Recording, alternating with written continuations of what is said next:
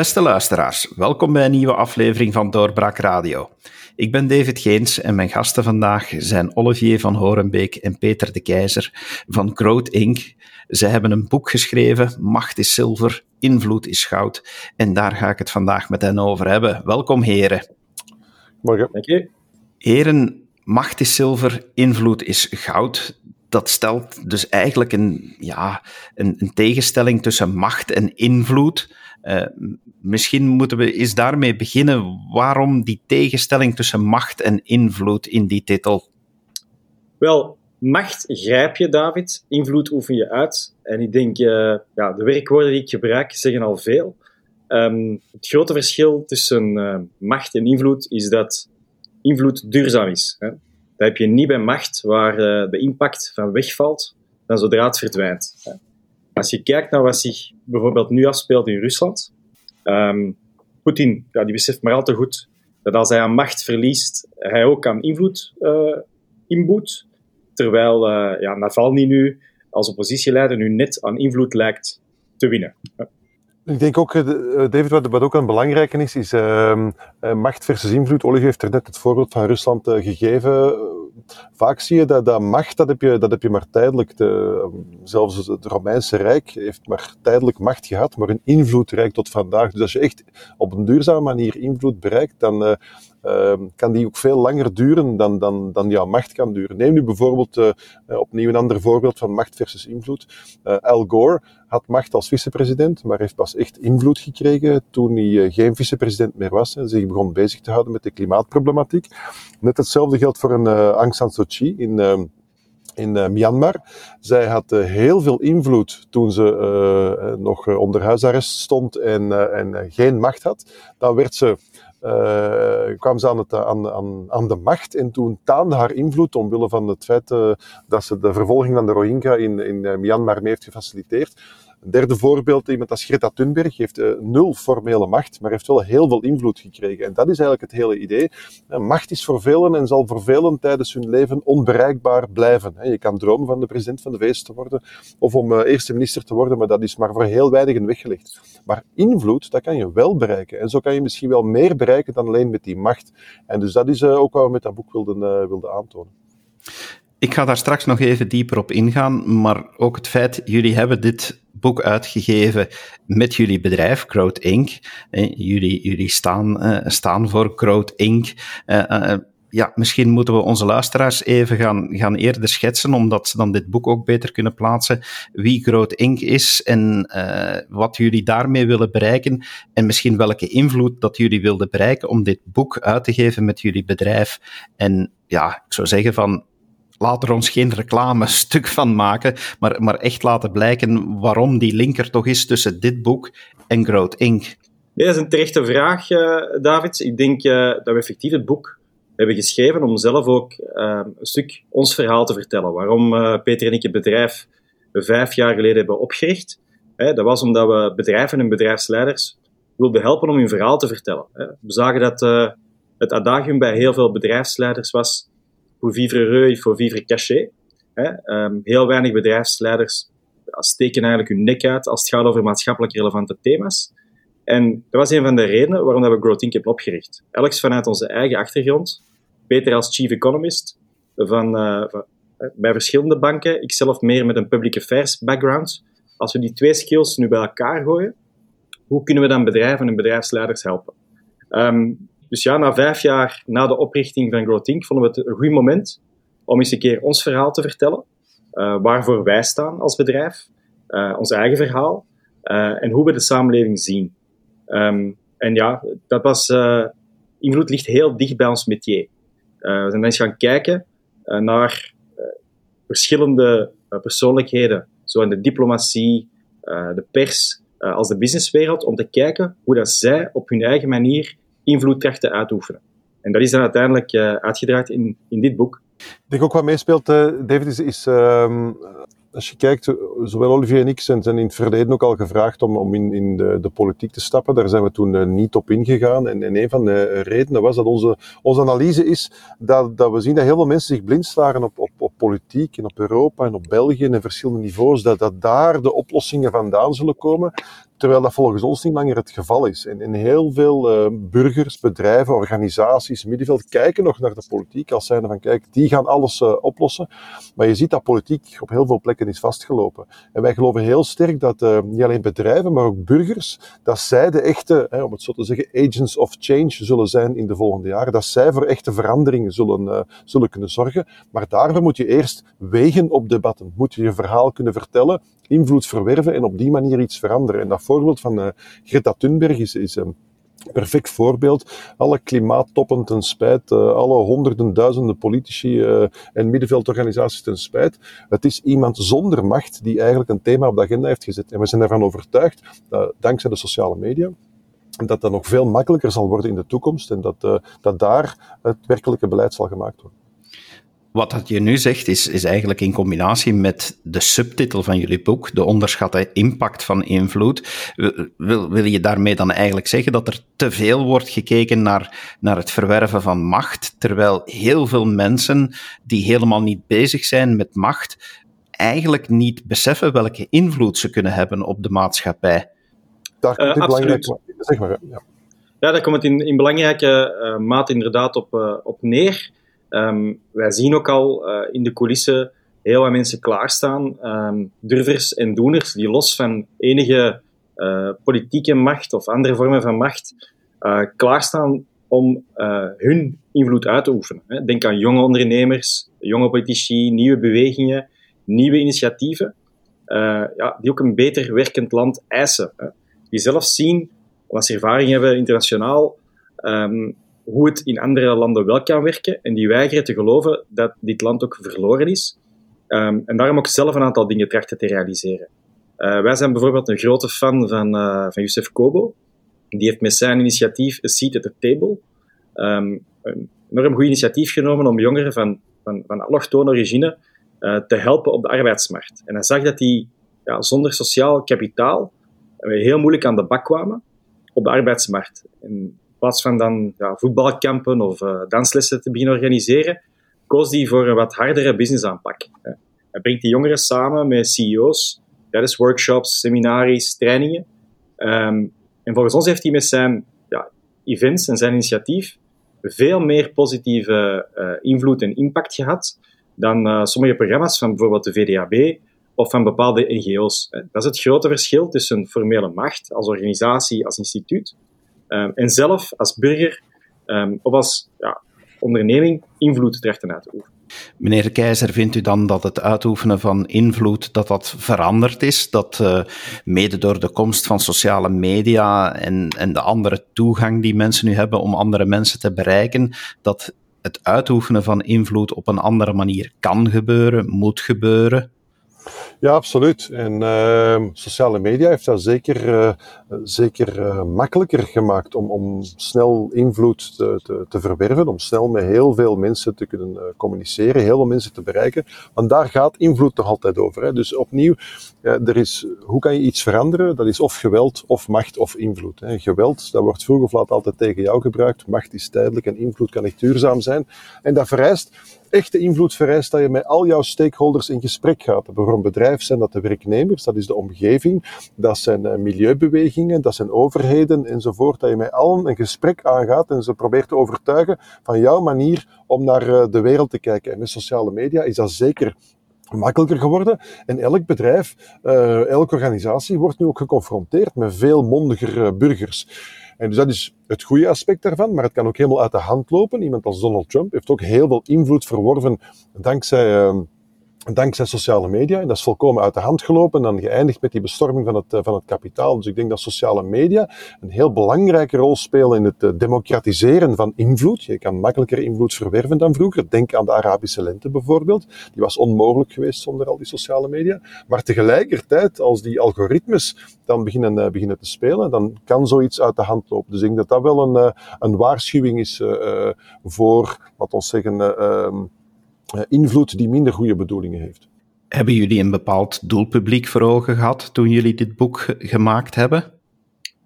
Ja, uiteraard. Uh, ik denk dat onze natuurlijke doelpubliek uh, bedrijven en bedrijfsleiders zijn, maar dat we het ook wilden opentrekken naar een wat breder publiek. Hè. Dus niet alleen puur op bedrijven en bedrijfsleiders ons te richten, maar ook naar, naar burgers, hè, naar mensen zoals jij en ik, David, om hen ook te leren hoe dat zij op hun eigen manier ook hun verhaal kunnen vertellen, hoe zij zo invloed kunnen uitoefenen en zo een stukje van de wereld kunnen veranderen. Door niet te wachten op anderen, niet altijd de verantwoordelijkheid bij anderen te leggen, of veel te verwachten van de overheid, eh, de politiek of andere belangengroepen, eh, maar zelf eigenlijk hun verhaal te zetten.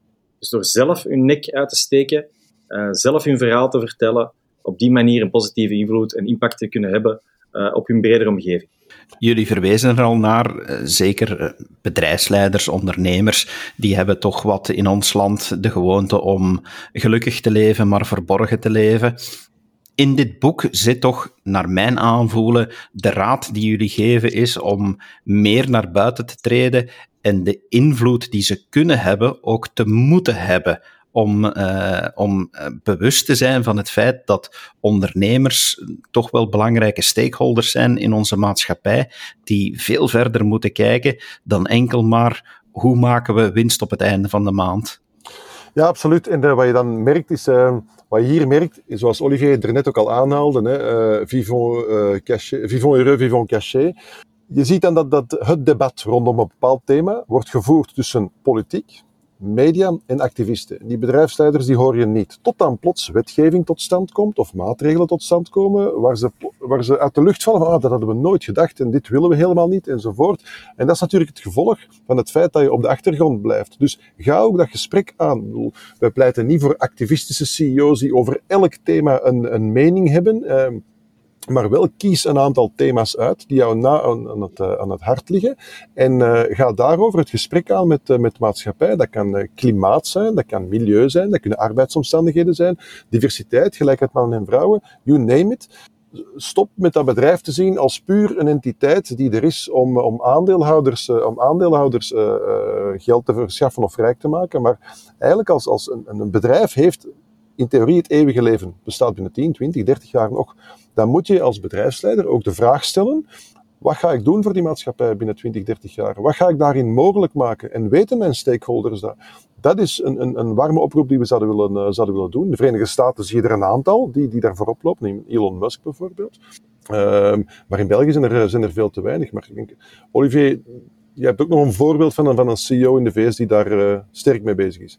Ja, absoluut. Hè. Ter aanvulling, um, hetgeen dat Peter eigenlijk al zei, van als die CEO's de toekomst ja, niet willen ondergaan, ja, dan gaan ze de, die zelf vorm moeten geven. Hè. En zoals hij zei, ja, dat zijn geen CEO's die als een, uh, een kip zonder kop naar de media rennen of heel de dag uh, op Twitter doorbrengen.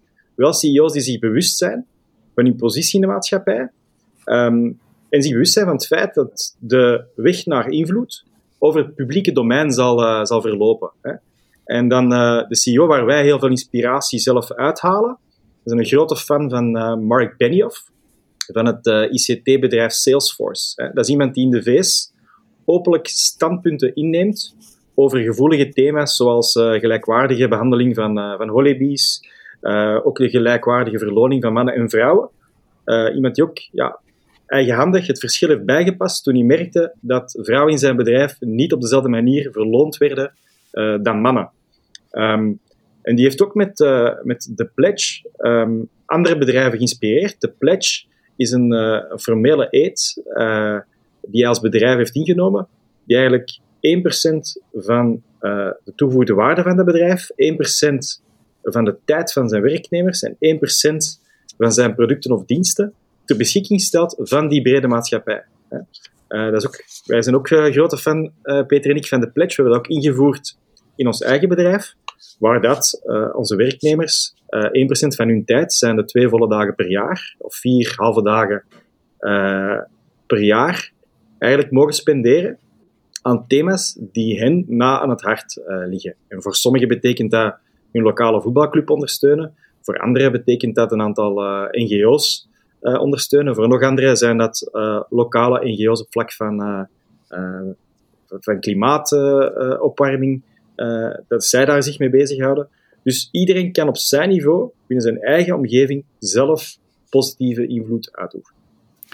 Met andere woorden, hetgeen wat jullie toe oproepen en de invloed die jullie belangrijk vinden, en dat vind ik toch ook even belangrijk om dat in de verf te zetten, is wel een heel pak breder dan dat het louter een marketingverhaaltje wordt, waar we, dat het niet is van, oh, invloed is de nieuwe manier om je bedrijf beter te laten worden, dat is de opvolger van de content marketing, maar jullie zien het echt wel ja, als een oproep van oefen invloed uit, zodat deze wereld voor iedereen beter wordt. Je als bedrijf eh, of als bedrijfsleider een bedrijf begint alleen maar om geld te verdienen, dat dat iets is wat heel snel als, als hol zal doordrukt worden. En bedrijven zijn heel belangrijk in onze maatschappij, maken heel veel mogelijk, zorgen voor innovaties, de werkstelling, um, productie, proberen op hun manier de wereld beter te maken. Alleen weten veel te weinig mensen dat. Alleen hebben heel veel mensen een, een, een slecht of een eenzijdig beeld van, van waar bedrijven mee bezig zijn. Maar ook middenveldgroeperingen soms. Ik denk maar vakbonden hebben ook een heel eenzijdige manier waarop ze bekeken worden door, eh, door veel andere stakeholders. Vertel jouw verhaal en gaat het debat aan over hoe jij de wereld beter gaat, uh, gaat maken. En de ondernemers die wij spreken, de echt bevlogen ondernemers, dat zijn degenen bij wie het als een tweede natuur komt. En daarin maak ik dan vaak het onderscheid. Ondernemers in België die dat soort posities innemen, zijn heel vaak uh, familiale ondernemers. Dat zijn, dat zijn familiebedrijven. Die denken uit zichzelf al 10, 20, 30 jaar verder. Die zijn daarmee bezig. Um, en we vinden dat, dat ook bedrijven die geen familiebedrijven zijn, het verplicht zijn aan de maatschappij waarin ze opereren om te vertellen over wat zij doen voor het, het, heden, voor de toekomst, voor de verschillende generaties. Dat denken we dat heel belangrijk is, als, als zij ook een rol meer kunnen opnemen in die maatschappij. Met jullie boek hebben jullie uiteraard een antwoord willen geven op de vraag wat is invloed. Jullie zijn met een aantal mensen gaan praten om, om aan hen die vraag te stellen en, en proberen te voelen hoe zij met invloed omgaan. Wie waren dat zoal? Ja, we hebben een, uh, uiteindelijk een, uh, een zevental mensen uh, gaan interviewen. De meerderheid um, heeft een link met Nederland. Hè. We zijn gaan kijken, we zijn gaan spreken zo onder andere met Jan-Peter Balkenende, eh, de voormalige premier van Nederland, eh, die nu voor EY eh, e heel veel met sustainability bezig is. we zijn gaan spreken met Peter van der Meers, voormalige hoofdredacteur van de Standaard in het NRC Handelsblad, die nu voor Mediahuis in Ierland, in Dublin, een, een krant leidt. we zijn gaan spreken ehm, met een professor diplomatie, Jan Melissen, in Den Haag. We zijn met een topdiplomaat Frans van Dalen gaan spreken, de voormalige eh, kabinetchef van de koning, maar ook van uh, Europees president Herman van Rompuy. We zijn gaan spreken met uh, Marion de Bruyne, decaan van de uh, Vlerik Business School. we zijn gaan spreken met Marten van Rossum, voormalige diplomatiek adviseur van Mark Rutte in Nederland, die nu Public Affairs Director is bij, bij Heineken. Um, en we zijn ook gaan spreken met Peter van Keulen, die uh, in Nederland uh, het public affairs bedrijf Public Matters leidt. Uh, allemaal mensen die op hun heel eigen manier, met hun eigen backgrounds, met hun eigen specialiteit, um, ja, een heel eigen idee hebben over hoe je invloed vanuit die verschillende rollen kan uitoefenen. Wie heeft bij jullie een, een indruk nagelaten die groter is dan je verwacht had? Ik denk dat ze eigenlijk op hun eigen, op hun eigen manier uh, indruk maakten. Uh, Jan Peter Balkenende vond ik wel iemand die, uh, die, uh, die eigenlijk, ehm, ja, hij heeft misschien ehm, soms wel een saai uiterlijk. Hè. Dat is dan toch de perceptie dan, die dan vanuit België soms gecultiveerd werd. Maar toch iemand die, die heel betrokken en heel bevlogen bezig is met heel veel onderwerpen. Die eigenlijk de Sustainable Development Goals ambassadeur is in, ehm, in, uh, in Nederland, die ook als, als heel invloedrijk wordt, wordt aanzien in Nederland. In de top 100 van de meest invloedrijke Nederlanders staat hij nog op in de, in de top 20, ondanks het feit dat hij geen actief politicus meer is. Dus dat is iemand die echt wel heel sterk daarmee bezig is. Veel van de, laten we zeggen, Belgische politici die hem in de tijd, die hem in tijd saai noemden, die, die hebben vandaag een pak minder invloed dan, dan hij zelf. En ook iemand als Peter van der Meers heeft in verschillende landen gefunctioneerd. En hij functioneert echt op het snijvlak van media, politiek, maatschappij, bedrijf bedrijfsleven, kan ook heel vlot schakelen tussen die verschillende velden. Dat was iemand die ook uh, een heel, heel brede kennis had en, en op een heel, heel uh, um, interessante manier naar al die debatten kon kijken. Zit er dan een bepaalde rode draad in de verhalen die zij te vertellen hebben? Uh, of, of, geven ze verschillende inzichten in het aspect of in het concept invloed? Wel, ik denk de, de rode draad die we, die we terugvinden, um, is net wat Peter zei, zijn allemaal mensen die op het snijvlak uh, functioneren van media, van diplomatie, van het bedrijfsleven, van politiek. Um, die mensen hebben geleerd dat invloed ook een, uh, ja, een two-way street is. Hè? Dat je dat uh, niet met een apothekerschaaltje kan afwegen, dat er nooit eenrichtingsverkeer is, dat dat ook altijd afhangt van ja, de aanvaarding van de andere partij. Vandaar ook een, stukje de rode draad van ja, diplomatie, corporate diplomatie. Um, waarom? Ja, dat werkt het beste. Zij hebben geleerd vanuit hun verschillende rollen hoe dat zij een duurzame relatie konden opbouwen met die verschillende stakeholders, of dat nu politiek, media, belangengroepen, NGO's zijn, publieke opinie. Um, dat zij die duurzame relatie hebben leren opbouwen met hen, um, die niet meteen hoeft ingezet te worden, um, maar door echt een oprechte uh, relatie met hen uh, op te bouwen en te waarderen, uh, altijd iets voor hen te kunnen betekenen, een groot netwerk uit te bouwen met hen, een stukje ja, de input die zij krijgen van die verschillende partijen, die geloofwaardigheid die ze daarmee creëren, dat dat de weg is um, naar oprecht ook invloed te kunnen uitoefenen. Je vernoemde daar dat het allemaal mensen zijn die op een snijvlak zitten. In dat snijvlak wordt media vermeld. Spelen media een grote rol in het verwerven en uitoefenen van invloed? Ik denk media spelen daar een rol in, maar media proberen zelf ook invloed uit te oefenen. Als je bijvoorbeeld kijkt als de standaard een actie heeft rondom uh, curieuze neuzen bijvoorbeeld, hè, dus uh, wat ze nu lanceren rondom droogte in tuinen, uh, vroeger dan rondom de, de luchtkwaliteit in, in steden, daarmee willen zij zelf ook het debat in een bepaalde richting sturen. En daar is volgens mij ook niks verkeerd aan. Als je weet wie jou in welke richting wil sturen, is daar, is daar geen probleem mee. Zolang alle meningen, van, ook van bedrijven, van mensen die er niet mee akkoord zijn enzovoort, ook aan bod kunnen, kunnen blijven komen. Dus dat is eigenlijk, als je het kijkt, politiek, media, bedrijfsleven, maatschappij, die willen allemaal, die hebben allemaal een idee van hoe de maatschappij er in de toekomst zou moeten, uh, zou moeten uitzien. Die willen allemaal de wereld op een bepaalde manier veranderen. En ik denk, um, het ideaalbeeld dat wij voor ogen hebben, is dat elk erin slaagt om, om, om zijn meningen, opinies aan bod te laten komen en dat uit die uh, um, clash van opinies, dat daar dan die betere wereld zal uitkomen. En dan moeten we dat ook met open vizier uh, proberen te doen. Maar media is daar een heel belangrijke rol, speelt daar een heel belangrijke rol. Ze zijn doorgeefluik van meningen, maar ze hebben vaak zelf ook een, uh, een mening. En ik denk het belangrijkste is om dat uh, onder ogen te zien heel interessant is wat je nu vermeldt, is die clash van opinies, is, is het feit van dat je, dat je dus heel veel zaken moet laten samenkomen en dan denk ik inderdaad uh, uit een stuk de, uit jullie boek van Peter van der Meers, die, die inderdaad zegt van ja, ik krijg regelmatig stukken uit de New York Times doorgestuurd, maar, en dat vond ik natuurlijk dan heel bijzonder leuk dat dat erin stond, ja, dan krijg ik pas maanden later te horen dat er een provocerend stuk op een website als doorbraak staat. Dus uh, ja, op, op die manier zeg je toch ook uh, dat, dat het belangrijk is om breed te gaan in, in media en, en geen te enge blik te hebben, niet alleen in media, maar als je invloed wil uitoefenen, dat een brede blik echt wel nodig is. Ja, ik, ik, dat, absoluut, dat is, dat, is, dat is waar. Die brede blik is nodig en, daar was hij dan een heel goed voorbeeld van. Hè. Dus uh, je merkt nu bijvoorbeeld de berichtgeving rondom Donald Trump of zo de afgelopen, de afgelopen jaren was op, was op bepaalde manier eenzijdig. De berichtgeving rondom Biden is vandaag ook op een bepaalde manier eenzijdig. Dat je daar bewust van kan, kan zijn, is, is heel belangrijk. En ik denk gewoon die grote marktplaats van ideeën, dat denk ik dat, dat we moeten bewaren. Die vrijheid van meningsuiting, dat ook een bedrijf meningen kan uiten en dat de, een politicus dat kan doen en dat ook een krant dat kan doen en dat de burgers dat kunnen doen. Die marktplaats van meningen is, is, um, is belangrijk. En wie zal daar invloed verwerven?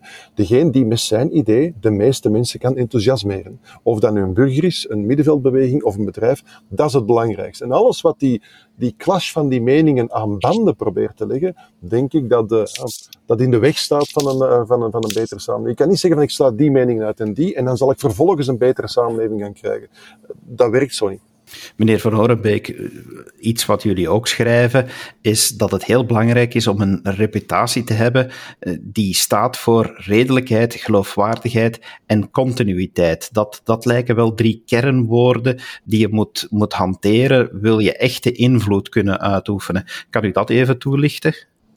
Ja, ik denk, je leeft uh, nooit in het luchtledige. Hè? Ik denk dat je altijd niet op een eiland zit, maar te midden die maatschappij leeft. Hè. Dus je moet jij werken en proberen samen te werken en een, en, een redelijke relatie terechten op te bouwen met al die stakeholders. Hè. Um, uh, bijvoorbeeld in het bedrijfsleven, om daar maar nog even op terug te komen, um, het hangt, die redelijkheid hangt ook een stukje af van hoe dat je uh, je onderneming uh, of je associatie gaat positioneren naar je externe stakeholders. Hè. iedereen heeft een stukje hun plaats op als je je positioneert. Hè. NGO's die willen weten waar banken of verzekeraars met hun geld naartoe gaan. medewerkers die voor een chemiebedrijf werken, die willen weten of dat hun bedrijf inspanningen doet om uw klimaatimpact te gaan beperken. Politici die willen weten um, of dat je als bedrijf mannen en vrouwen op een gelijkwaardige manier behandelt. media die wil dan weer weten hoe dat de topbonus van die CEO zich verhoudt tot, een tot de recente herstructurering bijvoorbeeld. dus ik denk dat je op een um, authentieke manier je verhaal moet kunnen brengen. Hè? Dat je nu onderneming bent of als burger in die maatschappij zit, dat kan heel, soms heel, heel subtiel zijn. Hè? Um, maar je moet het op een authentieke manier doen. Hè? Practice what you preach. Ik denk, je kan niet vervallen in greenwashing of in wokewashing. Um, ik denk dat je op een geloofwaardige manier moet prediken wat, dat je, wat dat je al bent. Hè? Voluntarisme is goed, maar het moet wel op een heel authentieke manier gebeuren. De mensen die jullie gesproken hebben, wat ik misschien wil toevoegen ook aan, aan hetgeen Olivier zegt, is die, die redelijkheid. Hè. Dat is wat mij betreft ook een pleidooi voor, laten we zeggen, meningen uit het midden. Hè. Dus uh, nu hebben we vaak de neiging, omwille van uh, dalende verkoopcijfers van kranten, omwille van de, de kliks en de likes en de shares, om dus uh, extremere meningen aan bod te laten komen, extremere titels, clickbait enzovoort. En het lijkt alsof het debat alleen maar tussen uiterst rechts en uiterst links is, of tussen woke en conservatief enzovoort. Het is belangrijk dat we beseffen dat dat eigenlijk een, een soort van schimmenspel is voor de kliks en de likes en de algoritmes. Terwijl de echte verandering zal komen van degenen die zich in dat grote midden bewegen. Diegenen die uiterst links of uiterst rechts zitten, die ga je toch niet overtuigen. Is die grote middengroep, die is op zoek naar van kijk, ik wil een betere wereld, ik wil wel iets veranderen, maar ook niet alles. Die moet je eigenlijk aanspreken. Die komen niet altijd in de pers, maar daar valt volgens mij de echte verandering van te verwachten. Een bedrijf dat zich extreem opstelt op um, dit of geen thema, of een, een, een, middenveldbeweging die zich extreem opstelt met extreme acties enzovoort, ja, dat haalt de pers, maar daar komt echte verandering niet van. Een echte verandering zijn inderdaad, zoals Olivier zegt, je bent redelijk, je bent authentiek, je gaat met iedereen het gesprek aan, en je, als je iedereen, hè, um, als je iedereen van jouw gesprekspartners een klein beetje een bepaalde richting kan, eh, kan laten bewegen, wel, dan gaat jouw boodschap viraal, om het, eh, om het eh, een beetje in actuele termen te zeggen. En dan kan je echt voor verandering zorgen. Wie zich echt opsluit in zijn eigen gelijk in een hoekje en maar roept vanuit de marge, die gaat eigenlijk heel weinig veranderen jullie hebben met ja, klinkende namen gesproken. En uiteraard doe je dat uh, als je een boek gaat schrijven. Want uh, ja, als je dan gewoon spreekt met Jan en Mieke uit de straat, dan heeft dat misschien minder invloed. Maar wat dat u net beschrijft, uh, meneer de Keizer, is dat dan alleen weggelegd voor mensen die ja, enorm veel bereikt hebben? Of is, ja, is, is dit boek ook bruikbaar? En, en eigenlijk wat jullie beschrijven, is dit voor iedereen bruikbaar? Kan iedereen invloed uitoefenen? Ja, ik denk het wel, absoluut. Dus uh, als we een andere titel voor het boek hadden moeten, uh, moeten zoeken, was het misschien Doe het zelf geweest. Maar er zijn al heel veel boeken die Doe het zelf heten, dus uh, dat gingen we niet echt onderscheidend zijn. Dus ik denk dat of het nu gaat om een speelpleintje in jouw dorp dat je wil laten veranderen, of je vindt dat, dat de fietspad onveilig is enzovoort, tot en met ik wil een ander energiebeleid voor België, op elk niveau kan je invloed gebruiken. Ehm mijn zoon recent die, eh, die eh, gaat regelmatig mountainbiken op een eh, natuurdomein in, in de gemeente. Hij vindt dat de wegen daar slecht bij liggen. Er zijn omgevallen bomen die hem de weg versperren. Ik zeg van kijk, schrijf een brief naar de burgemeester. Wel, hij heeft een, een, een, een videocall met de burgemeester gehad. Er is een opvolgbrief enzovoort. En zo krijgt hij ook de indruk dat hij zelf ook dingen in beweging kan zetten. Dat is eigenlijk wat we willen doen. Ga er niet vanuit, ik denk ultiem, ga er niet vanuit dat iemand anders het voor jou gaat oplossen. Kijk niet op naar de overheid, het systeem die jou het zij onderdrukt, het zij alles moet mogelijk maken voor jou. We geloven heel sterk in de kracht van het individu, van burgers, van, van, van positieve verhalen. En dat is eigenlijk wat we wilden meegeven. En dat geldt voor iedereen. Of je een straatsneeuwvrij wil krijgen, of uh, uh, België klimaatneutraal. Het onderwerp maakt niet uit, het thema maakt niet uit, maar je kan het zelf veel meer doen dan je voor mogelijk acht. Een heel kernachtig stuk in jullie boek uh, vind ik het volgende. En uh, nu ga ik even citeren om iedereen zin doen te krijgen om het boek uh, zeker te lezen. Is het volgende citaat. Of je nu invloed wil hebben op persoonlijk vlak, als bedrijf of zelfs op het grote wereldtoneel, het komt telkens weer neer op hetzelfde. Inspiratie, communicatie, associatie. Dat is de heilige drievuldigheid van invloed. Einde citaat heb ik hiermee nu te veel weggegeven van het boek? Of uh, is, is dit echt dat je zegt van ja, als je dat voor ogen houdt en je, je, leest het boek, dan, dan ga je dit echt heel goed gaan leren begrijpen? Uh, ik denk dat je exact er hebt uitgehaald, uh, David, wat we wilden meegeven. En dat is, je moet naar buiten durven komen en zeggen waarvoor je staat. Je hebt een inspirerend verhaal nodig om al je stakeholders te kunnen overtuigen. Um, wie invloed wil, zal daarvoor partners moeten zoeken. Dus associatie is heel belangrijk. Dat kan je alleen maar met een sterk verhaal en een volgehouden uh, dialoog. Hè. Een overheid kan niet meer autoritair haar wil opleggen. Uh, bedrijven kunnen niet zomaar alleen nog maar aan winst denken. En activisten kunnen zich niet alleen maar terugtrekken in hun eigen grote gelijk. Dus ik denk dat je dat heel kernachtig hebt weergegeven waarvoor het boek staat. Wat zijn zoal de mooiste reacties die jullie inmiddels verzameld hebben op het boek? Ik, uh, heel veel mensen die zeggen van waar kunnen we er uh, 10 of 20 exemplaren van bestellen. Ik denk dat dat een, een heel mooie reactie is. Dat steken dat de mensen het, het zo goed vinden dat ze het echt willen delen met de mensen en het boek zelf ook niet willen missen. Dus dat zijn heel leuke reacties die we, die we hebben gekregen. Het is inderdaad een boek dat ik zelf kan aanbevelen. Dank je wel, heren, om dit even toe te lichten en het samen te hebben over invloed ik denk dat we ja, zeker kunnen zeggen van wie wil weten wat invloed is en hoe ermee om te gaan, dat zij heel wat aan dit boek hebben. Dankjewel voor jullie tijd. Graag gedaan. Graag gedaan. En uw beste luisteraar, zoals ik al zei, zeker een boek dat, uh, dat aan te raden is, dat u, dat u zeker moet uh, in, in huis halen en de tijd voor nemen om het te lezen en zinnen in aan te duiden die u wil bijhouden. Uh, dat is uh, zeker iets waar u heel veel gaat aan hebben. Macht is zilver, invloed is goud. Uh, geschreven door Olivier van Horenbeek en Peter de Keizer. Zelf uitgegeven bij Groot Inc. Maar te verkrijgen uiteraard in de boekhandel. En zeker ook op onze online boekhandel op boeken.doorbraak.be. Geniet van het boek en laat ons weten wat u ervan vond. Blijf ook zeker luisteren naar onze podcasts, want wij proberen op onze manier invloed uit te oefenen. En graag tot de volgende keer. Dag.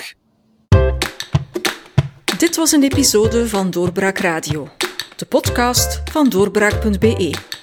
Volg onze podcast op doorbraak.be/slash radio of via Apple Podcasts, Overcast of Spotify.